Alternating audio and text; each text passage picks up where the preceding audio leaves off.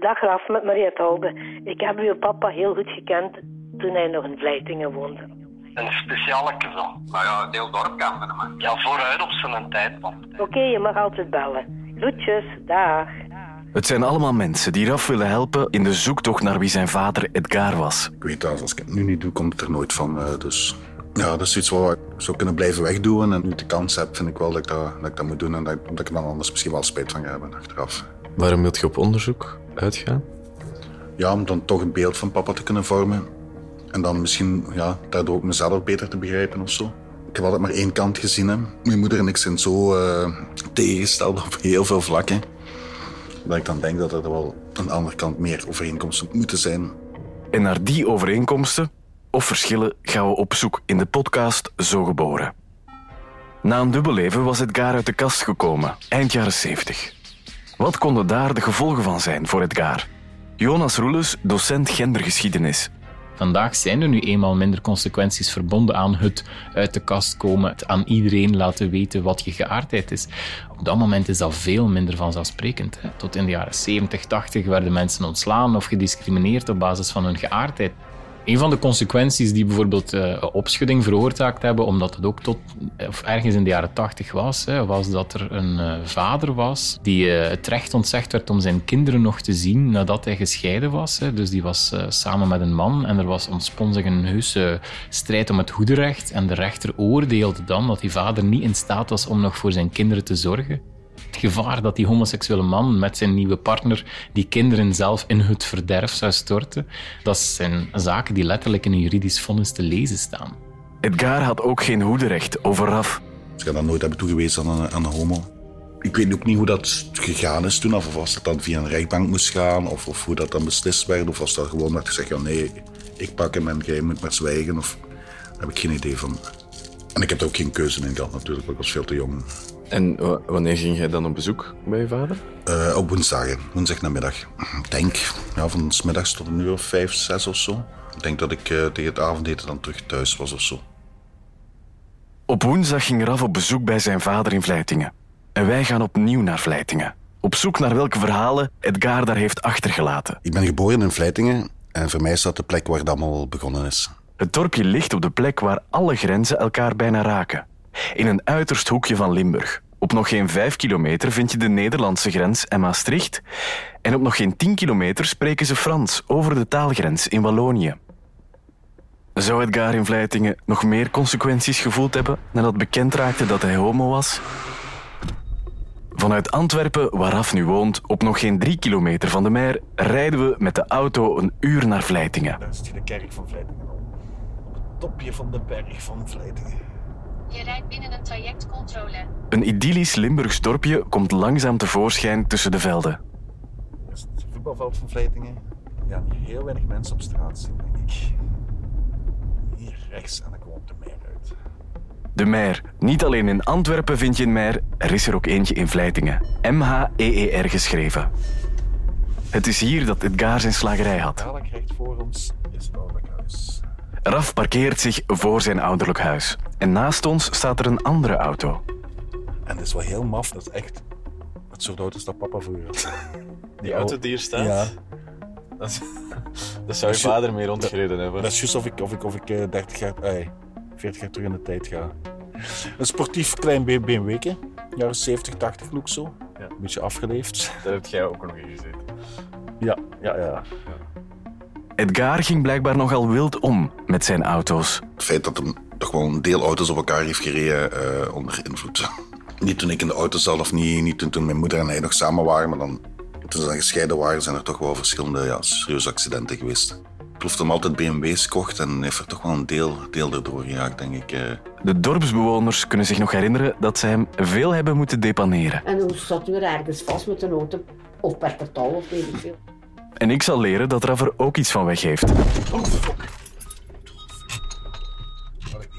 Maar dat is voor later. We staan dus op de Mer. Met voor ons het ouderlijk huis van Raf. Kinderopvang Knorri. Ja, ze moesten iets in de lijn van de slagerij vinden, zeker. De slagerij van Edgar heeft plaatsgemaakt voor een kinderopvang. De vitrine van de vroegere slagerij is nu afgeplakt. En voor de rest is er heel weinig veranderd eigenlijk. Er komt een vrouw aan. We durven het niet aan elkaar toe te geven, maar zo random aanbellen bij zijn ouderlijk huis, dat maakt ons allebei super nerveus. Hallo, ik ben Kenneth en dit is Raf. En dit was ons ouder, mijn ouderlijk huis. Daarmee dat we hier nu staan te kijken. Ah, oké. Ik zag het al te bellen. Ik dacht, oké, wat is er aan de hand? Nee, nee, nee. Ja. Brit, een jonge blonde vrouw, doet open. Ze is veel te jong om Edgar te hebben gekend. Maar ze kan wel nog oudere standen van zijn slagerij aanduiden. Haken die binnen in het huis hangen. Aan mij hadden ze verteld dat dat ook kon zijn voor het vlees wat op haken hangen, voor die rail door te trekken. Maar ik weet niet natuurlijk als het zo is of niet. Raf wordt meteen nostalgisch wanneer hij het huis ziet waar hij in geboren is. In deze gang heb, ik leren wandelen. Jorre, de vriend van Brit, blijkt oude BMW's te verzamelen. Je hebt die niet overgekocht van de... Nee, het stond hier niet. Nee. Spijtig genoeg. Dat wil ik eigenlijk vragen. Is dat nog een erfstuk van mij? Ja, het was een leuke plus geweest als die hier stond. Maar Geen oude auto dus van Edgar voor de deur. Brit kan ons niks vertellen over Edgar. Maar ze leidt ons wel naar iemand anders toe. Ik ken misschien iemand Ja? die dat zou weten. Eh, nummer 26. Mevrouw nummer 26, die weet denk ik echt wel alles. Ah, zou ik nog één iets mogen vragen? We hebben een affiche laten maken. Ik wil dat Eh, zeker Wilt je ophangen. dat ophangen? Ja, natuurlijk. Ik hoop dat er wat meer te weten gaat komen zo. Dat had ik nog niet gezegd. Ik had affiches laten maken. Ik vroeg mij af of jij bepaalde dingen dacht dat er zeker op moeten staan op die affiche. Enkel, enkel zijn, zijn naam en, en dat slager was op de mei. Affiches met een telefoonnummer en een mailadres op. Zodat mensen uit het dorp die Edgar hebben gekend ons kunnen contacteren. Ik heb geen foto daarvoor nodig. Heb jij foto's staan? Normaal wel, Ja. eh, denk ik. Een Freddie Mercury-achtig figuur komt op de affiche terecht. Lijkt je ook op je vader? Vroeger dacht ik van niet, maar nu zie ik wel meer en meer een gelijkenis. Ja, sinds ik een snor heb, is dat ook wel, ook wel, ook wel meer, maar ook ja, an- andere trekken en zo.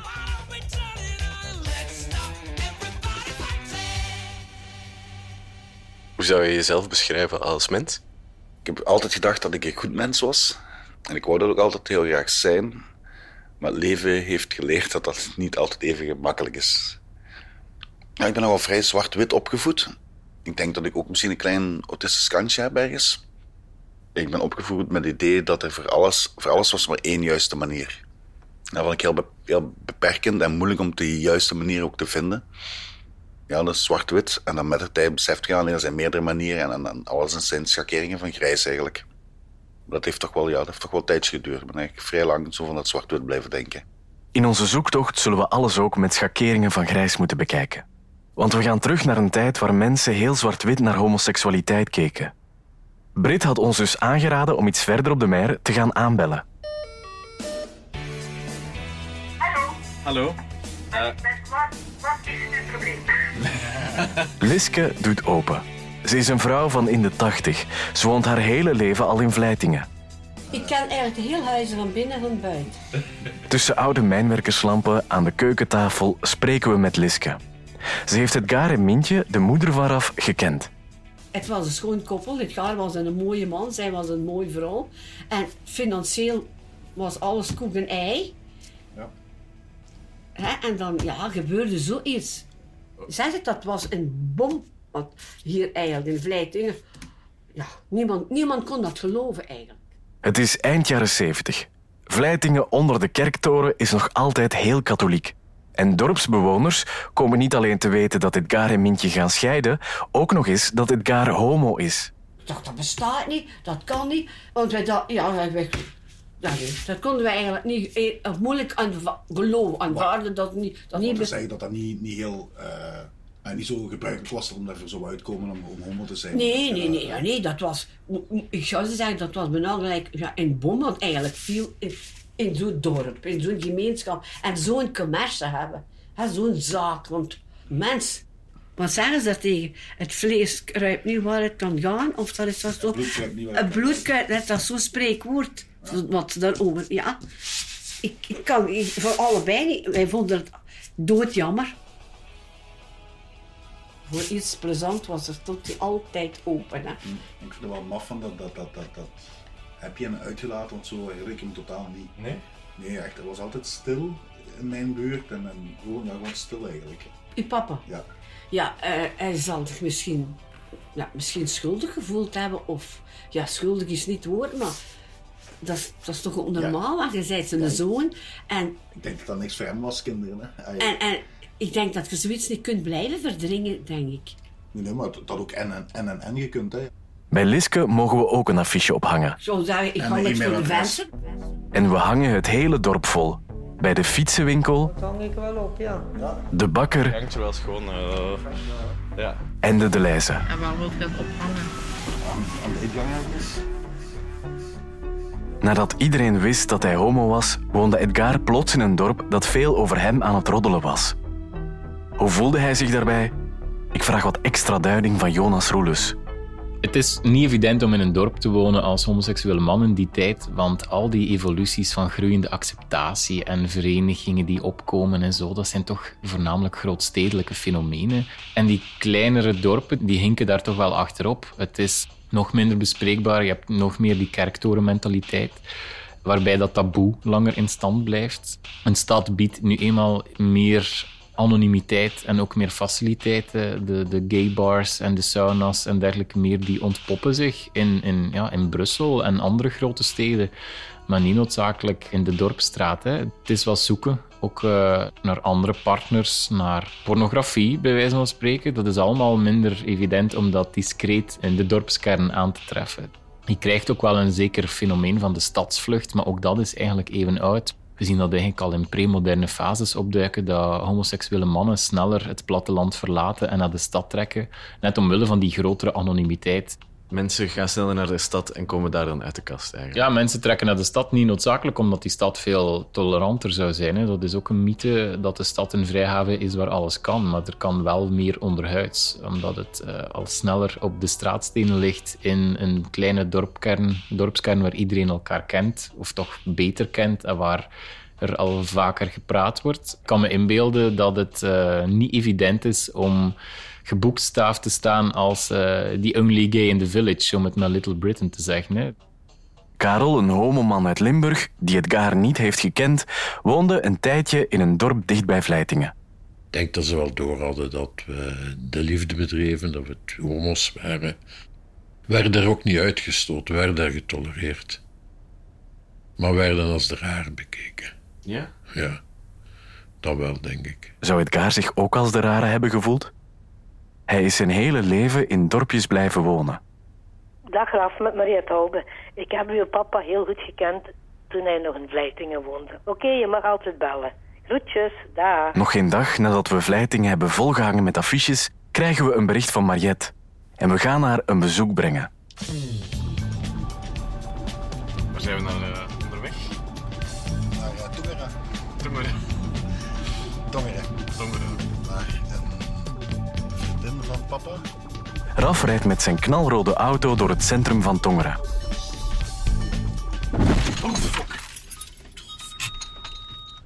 Ça va? Raf ramt met zijn auto een paaltje. Dat paadje had ik niet gezien. Oef. Ai, ai, ai. Gelukkig is er niemand gewond, gewoon materiële schade. Om in het thema van het gaar te blijven, rijden we nu ook rond met de geblutste auto. Zal meevallen. We komen aan bij Mariette. Wij verkochten kippen en zo en, en, en, en konijnen en zo. En wij leverden bij uw papa en uw mama. Mariette is een vrouw van rond de 70. De eerste 65 jaar van haar leven heeft ze in Vlijtingen gewoond. Je kunt een mens uit een dorp nemen, maar je kunt het dorp niet uit een mens nemen. Ze vertelt hoe ze Edgar als mens heeft ervaren. Ik heb hem altijd ervaren als een eh, hele sympathieke mens. En eh, ook, die kon zo lachen en, en, en plezier maken. Anderzijds een beetje oppervlakkig. Maar ik zeg het, ik, heb, ik, kan, alleen, ik kan daar geen verkeerd woord over zeggen. Het was een fijne, sympathieke man. Ook een gemakkelijke klant. Ook Mariette kan zich nog het moment herinneren dat Edgar en Mintje gescheiden zijn en het uitkwam dat Edgar homo was. Maar dat was toen het gesprek in het dorp.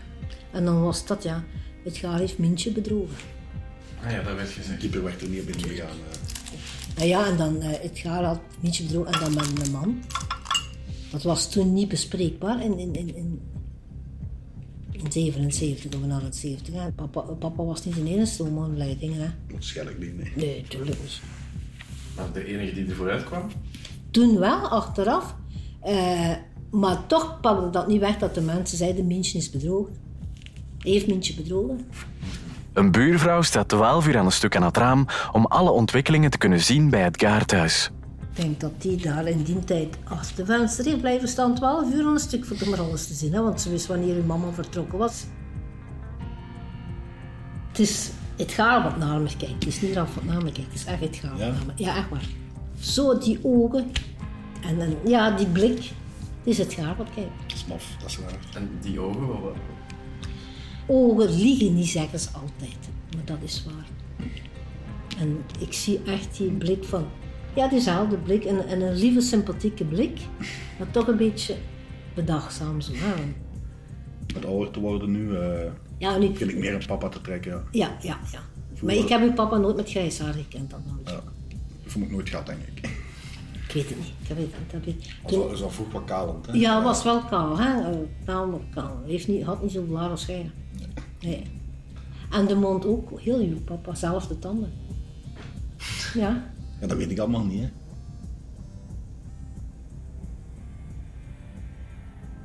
Blij dat ik u nog eens gezien heb, jongen, na zoveel jaren. Als het nu niet met corona was, dan vang ik eens goed vast. Maar. Raf is onder de indruk van het gesprek. Het feit dat zo zei van dat ik zo op papa leek, dat kwam wel binnen. eh. Ja? Ja. Dat hij gewoon direct zei zo van... Ja, het was een heel spontane reactie. Ja, zo. Dat echt wel duidelijk was of zo. Dat ze niet naar heeft te zoeken. Of... We hebben de haken van de slagerij van het gaar gezien. Maar een goede slagerzoon was Raf nooit geworden. Het was ook een goede slagerij en zo, dus ze hadden goede, goede kwaliteit. Maar ik ben dan wel later, op latere leeftijd eh, vegetariër geworden ook. Echt? ja. Maar toen, toen was mijn vader al dood, denk ik, ja. Ik vond echt geen probleem om, om vlees te eten en, en, en om, dat dieren gedood werden op zich ervoor. Maar die moest, mocht, moest wel een leven hebben of zo. Niet enkel gekweekt worden om opgegeten te worden. Daar, daar lag mijn grootste probleem. Uw vader ging zich omgedraaid hebben in zijn graf? Of? Waarschijnlijk wel, denk ik. Hè. ik denk niet dat dat eh, op heel veel plezier onthaald eh, zou zijn geworden. eh. Er is nog iets belangrijks met die slagerij van het gaar. Weet jij hoe uw vader slager is geworden? Nee, totaal niet eigenlijk. Weet je waarom dat hij gestopt is met zijn slagerij? Dat weet ik ook niet. Die laatste vraag is vooral belangrijk. Waarom is hij gestopt? Brit, de persoon die nu in het ouderlijke huis van Raf woont, helpt ons. En was er nog een slagerij toen? Eh, ja, ze hebben ook slagerij gehad. Ze geeft ons het telefoonnummer van de slager die de zaak van het gaar heeft overgenomen. Nu vroeg ik mij af of u ooit Edgar Lindmans echt ontmoet hebt. Ja, ja, we hebben het aan hem gekocht, ja. Weet u waarom hij ooit gestopt is met de slagerij toen? Als wij het niet hadden gekocht, had de bank het verkocht. Want hij heeft die slagerij verkocht, maar heeft dan niks aan, heeft alles moeten terug aan de bank geven. Heel veel schulden dus die zouden leiden tot een faillissement. Daarom heeft hij de slagerij verkocht. In het dorp zijn er verschillende theorieën over waar die schulden vandaan komen. Zou het kunnen dat het gaar heel veel klanten heeft verloren nadat bekend raakte dat hij homo was? Mariette. Ik ben daar ook trouwens altijd gewoon blijven mijn vlees gaan halen en altijd geleverd. Daar uh, de buitenstaande niks mee te maken. Zijn er mensen die geen vlees meer komen kopen nadat dat gebeurd is? Ik weet het niet. Nee. Ik denk, er werd wel heel veel over gepraat. Maar of, misschien dat er staat voor rappers zo van die ook knabbelen, wat dan misschien toch weggebleven zijn. Eh, maar eh, ik, ik toch niet in ieder geval. Zou het kunnen dat hij alleen de slagerij niet meer kon uitbaten na zijn scheiding? Liske. Mientje ging weg, maar hij alleen kon die zaak niet runnen. Maar hij heeft dat toch nog, toch nog vrij lang gedaan, hè? Ja, Maar, maar, maar het was toch nummer... Nee, dat is niet meer hetzelfde. Nee, ik weet je, dat, dat vlees werd in huis gebracht. Ik, ik denk dat hij dat zelf ook niet meer aankon. Dat, dat, dat, dat, dat wordt te veel. Dat gaat gewoon niet. En hij had een goede zaak. Dat is altijd een goede zaak geweest. Het is vooral de datum die heel belangrijk is. Ik vraag het aan de slager die de zaak heeft overgekocht van het gaar. In welk jaar was dat dan, dat jullie begonnen zijn in die slagerij? Eh, 85. 85. Ja, 4 april. In 1985 stopt het gaar met de slagerij. Op mijn tiende... Het jaar waarin Raf tien is en alle contact met zijn vader wordt gestopt. Want hij moest dan alimentatie betalen en als hij dan afstand deed, dan moest hij dat niet meer betalen. En dat is dan ook de reden dat, dat hij afstand van mij heeft gedaan. Misschien waren zijn geldproblemen deel van de reden. Maar het zou ook kunnen betekenen, niet om het goed te praten, dat hij ook echt geen geld meer had om nog voor u af te dragen. Juist. Ja, die connectie dat hij dat nog niet, nog niet gemaakt. eh. Dat hij gewoon echt plat zak was en gewoon niks meer kon. Had Edgar geen geld meer om de alimentatie van Raf te betalen? Of is het contact gestopt omdat hij Raf niet meer wilde zien? De slager die de zaak van Edgar heeft overgekocht, vertelt me ook nog dit. Een keer hadden we een feestje binnengehouden. Dat vertelde dan de buurvrouw, maar die is ook al zo. Dan stond eh, de auto onder de venster. En dan hadden ze een Polonaise gemaakt naar boven. En dan sprongen ze uit het venster op om ze een BMW geloof ik. Op het dak van de BMW. En zo hadden ze de Polonaise. In Vleitingen gaat het gerucht de ronde dat Edgar Polonaises zou hebben georganiseerd met mensen die dan uit het raam van de eerste verdieping van zijn huis sprongen op zijn auto. Of dit verhaal echt is, dat is nog maar de vraag. Maar Edgar was wel echt een feestbeest. Zijn favoriete plek om naartoe te vluchten, weg van alle problemen, alle schulden, alle roddels, was Ibiza. Toen ik op bezoek kwam, ik weet dat hem dan naar eh, Ibiza ging, op vakantie soms. En er was ene foto die daar rondslingerde in na een vakantie. Allemaal ja, licht en schaduwen en mannenlichamen. Stukken van mannenlichamen. Besefte ik dan achteraf. En mede dat hem in die tijd in Ibiza zat, toen dat ja, daar gay paradise was... eh, denk ik wel dat een zwaar gefeest heeft. Ibiza, een Spaans eiland. In de jaren 60 trekken hippies naar Ibiza en daaruit ontstaat een clubcultuur in de jaren 80. Het was de favoriete plek van Edgar. En om het eiland wat te kunnen snappen, praat ik met Patrick Verelst. Ik presenteer op Studio Brussel en Patrick werkt er als technieker. Door de collega's wordt hij al eens de burgemeester van Ibiza genoemd, omdat hij alle plekjes en straatjes kent in Ibiza. Hij is er minstens 25 keer geweest. Je ziet daar vrouwen passeren, eh, op in string, mannen in string, vrouwen zonder iets, mannen zonder iets. En dan, hier heb ik zin nu om, alles uit te doen en ik ga te gaan zwemmen. Al, ja. En, eh, oké, waarom niet? Ik zie het moeilijk gebeuren in Blankenbergen, uh, allee, snap je? Dus, dus ik denk dat daar mensen voor naar Ginder gingen. Zo. Mensen liggen er blijkbaar niet echt wakker van dingen dat wij wel van wakker liggen. Je gaat ook ergens naartoe, zo. Ja, ja, kom maar binnen. Welkom, iedereen. Maakt niet uit. Heb je zin om iets te doen? Ja, is goed, doe maar. Hè. Vrijheid, zo. Alles op alle gebieden. Zo. Ik heb geen zin in dat. Nee, hoeft niet. Ik heb zin in dat. Ja, doe maar. Het is ook een manier vooraf om even weg te vluchten. Als je een negatief beeld hebt over je vader, is het leuk om te dromen van alle coole dingen die hij heeft gedaan. Alle zotte mensen die hij heeft ontmoet. De naam van Anthony Pikes valt. Een legendarisch figuur op Ibiza. Met een gigantische moustache. Met voor laatst op vakantie gaan had een, eh, een vriend van mij de biografie van eh, Pikes bij. Dat is een kerel in, in Ibiza die daar al jarenlang een, eh, een hotel heeft.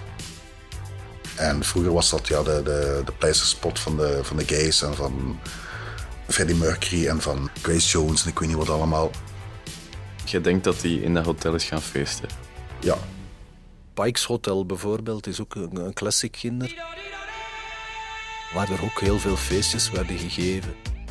En bijvoorbeeld Freddie Mercury heeft daar zijn 40ste verjaardag gevierd in Pikes Hotel. Met al zijn vrienden en, en dat wordt beschreven als de meest grootste party die ze ooit daar gedaan hebben. In Ibiza zelfs, niet alleen in Pikes, maar in Ibiza. Iedereen wil, wil ook zeggen dat hij daar was. Als je iemand in, Ibiza praat, die zegt zo, ja, ik woon hier al twintig jaar, die gaat dan ook proberen ermee uit te pakken en zeggen, ja, ik, ik was op die verjaardag van Freddie Mercury, ik was daar. Dat is echt zoiets om te kunnen zeggen, zo van, als je in het nachtleven zit, zo, ik was bij de verjaardag van Freddie Mercury toen in Pikes Hotel. Misschien heeft hij daar wel Freddie Mercury tegengekomen dan. Als, uh... Een look daarop gebaseerd. Wie weet heeft Anthony Pikes hem dan uh, ontmoet. Uh... Ja. Papa was een hele charmante man, dat schijnt. Kon iedereen bij ons in de vinger draaien. En dat zal hem dan ook wel heel grondig gedaan hebben, denk ik. Het is vooral gewoon omdat die, die tijdsdingen overeenkomen. En in die periode was er niet zoveel op Ibiza als er nu is natuurlijk. Hè. De eigenaar van Pikes Hotel, Tony Pikes, die pretendeert bijvoorbeeld dat hij met 300 vrouwen en mannen in bed heeft gelegen. Dus als je vraagt van ja, zijn er wat seksuele uitspattingen? Ik vermoed dat hij niet de enige zal geweest zijn. Hij heeft het getal misschien wat overdreven, maar uh, hij beweert dat, daar, dat hij tegemoet kwam aan hun excessen en uitspattingen. Je hebt daar ook een plaats waar een, gigantisch, nu is dat een ballenbad, ik weet niet wat dat ervoor was, echt een gigantisch bad, daar kun je zeker met, met zes man tegelijk in of zo is. Dus, dus ik, allee, ja, je kunt er dingen bij inbeelden als je het nu nog ziet. En je zegt van ja, vroeger zal dat geen ballenbad geweest zijn, maar, maar ja, kun je wellicht meer dan met één kamergenoten in bad gaan. Dat was echt ja, een speciaal, speciaal hotel. Het gaat over heel bekende figuren die je niet zomaar ontmoet. Maar Af is er toch over aan het dromen. Dat zijn vader Freddie Mercury en Anthony Pikes heeft ontmoet. Iets om te checken. En dan krijgen we nog een reactie op de affiches. Beste Raf, mijn naam is Alida Nulens. Ik ben ook afkomstig van Vleitingen en heb je pa redelijk goed gekend. We zijn samen tussen 1982 en 86 tweemaal naar Ibiza op vakantie geweest. Ik bel meteen met Alida om te horen of ze ooit Anthony Pikes of Freddie Mercury hebben ontmoet. In welk hotel was dat toen in Ibiza? Was dat in het Pikes Hotel dat jullie geweest zijn? Of? Nee, dat waren, Nee. waren goedkope hotels. Ah, ja. Ja, Het droombeeld van Edgar wordt meteen ontkracht. Maar Alida zal ons nog veel helpen in de verdere zoektocht. Na onze bezoeken aan Vleitingen was er ook nog iets gebeurd. Onze affiches hadden duidelijk veel succes daar. Brit, Bijna iedereen die er langs ziet, die kwam kijken. Ook die kindjes. Papa, er is iemand vermist. En dan kwamen die kijken. Oh nee, nee, er is niemand vermist. En dan zei ik tegen jou, ik zeg, oh, dat is wel grappig. Want het is heel gek, maar ik kom dat dan op de bel. Ik kreeg dan een melding. Ja. En die kindjes die waren dan zo super enthousiast. Maar ook de ouders, de wandelaars, iedereen. maar onze affiches hebben ook een bom laten ontploffen. Bij iemand heel dicht bij Raf. Soms kom je ergens uit enthousiasme in terecht, wat ondanks alle goede bedoelingen helemaal misloopt. Raf stuurt mij een bericht. Hij laat weten dat hij ermee wil stoppen. Stoppen met de zoektocht, stoppen met de podcast. Ik word er heel gefrustreerd van, want ik kan daar niks, aan, niks meer aan doen, gewoon, weet je. Ik weet ook waar het fout is gegaan, maar ja. ja. Het was allemaal met de beste bedoelingen en eh, dus ja. Ja, sorry ook. Ik had, eh, ik had wat, eh, wat te snel van stapel gelopen. Allee, het, het We zo- ja, maar we konden dat niet weten, gewoon, weet je. Er was bijna nooit een podcast geweest. In aflevering 3 hoor je waarom.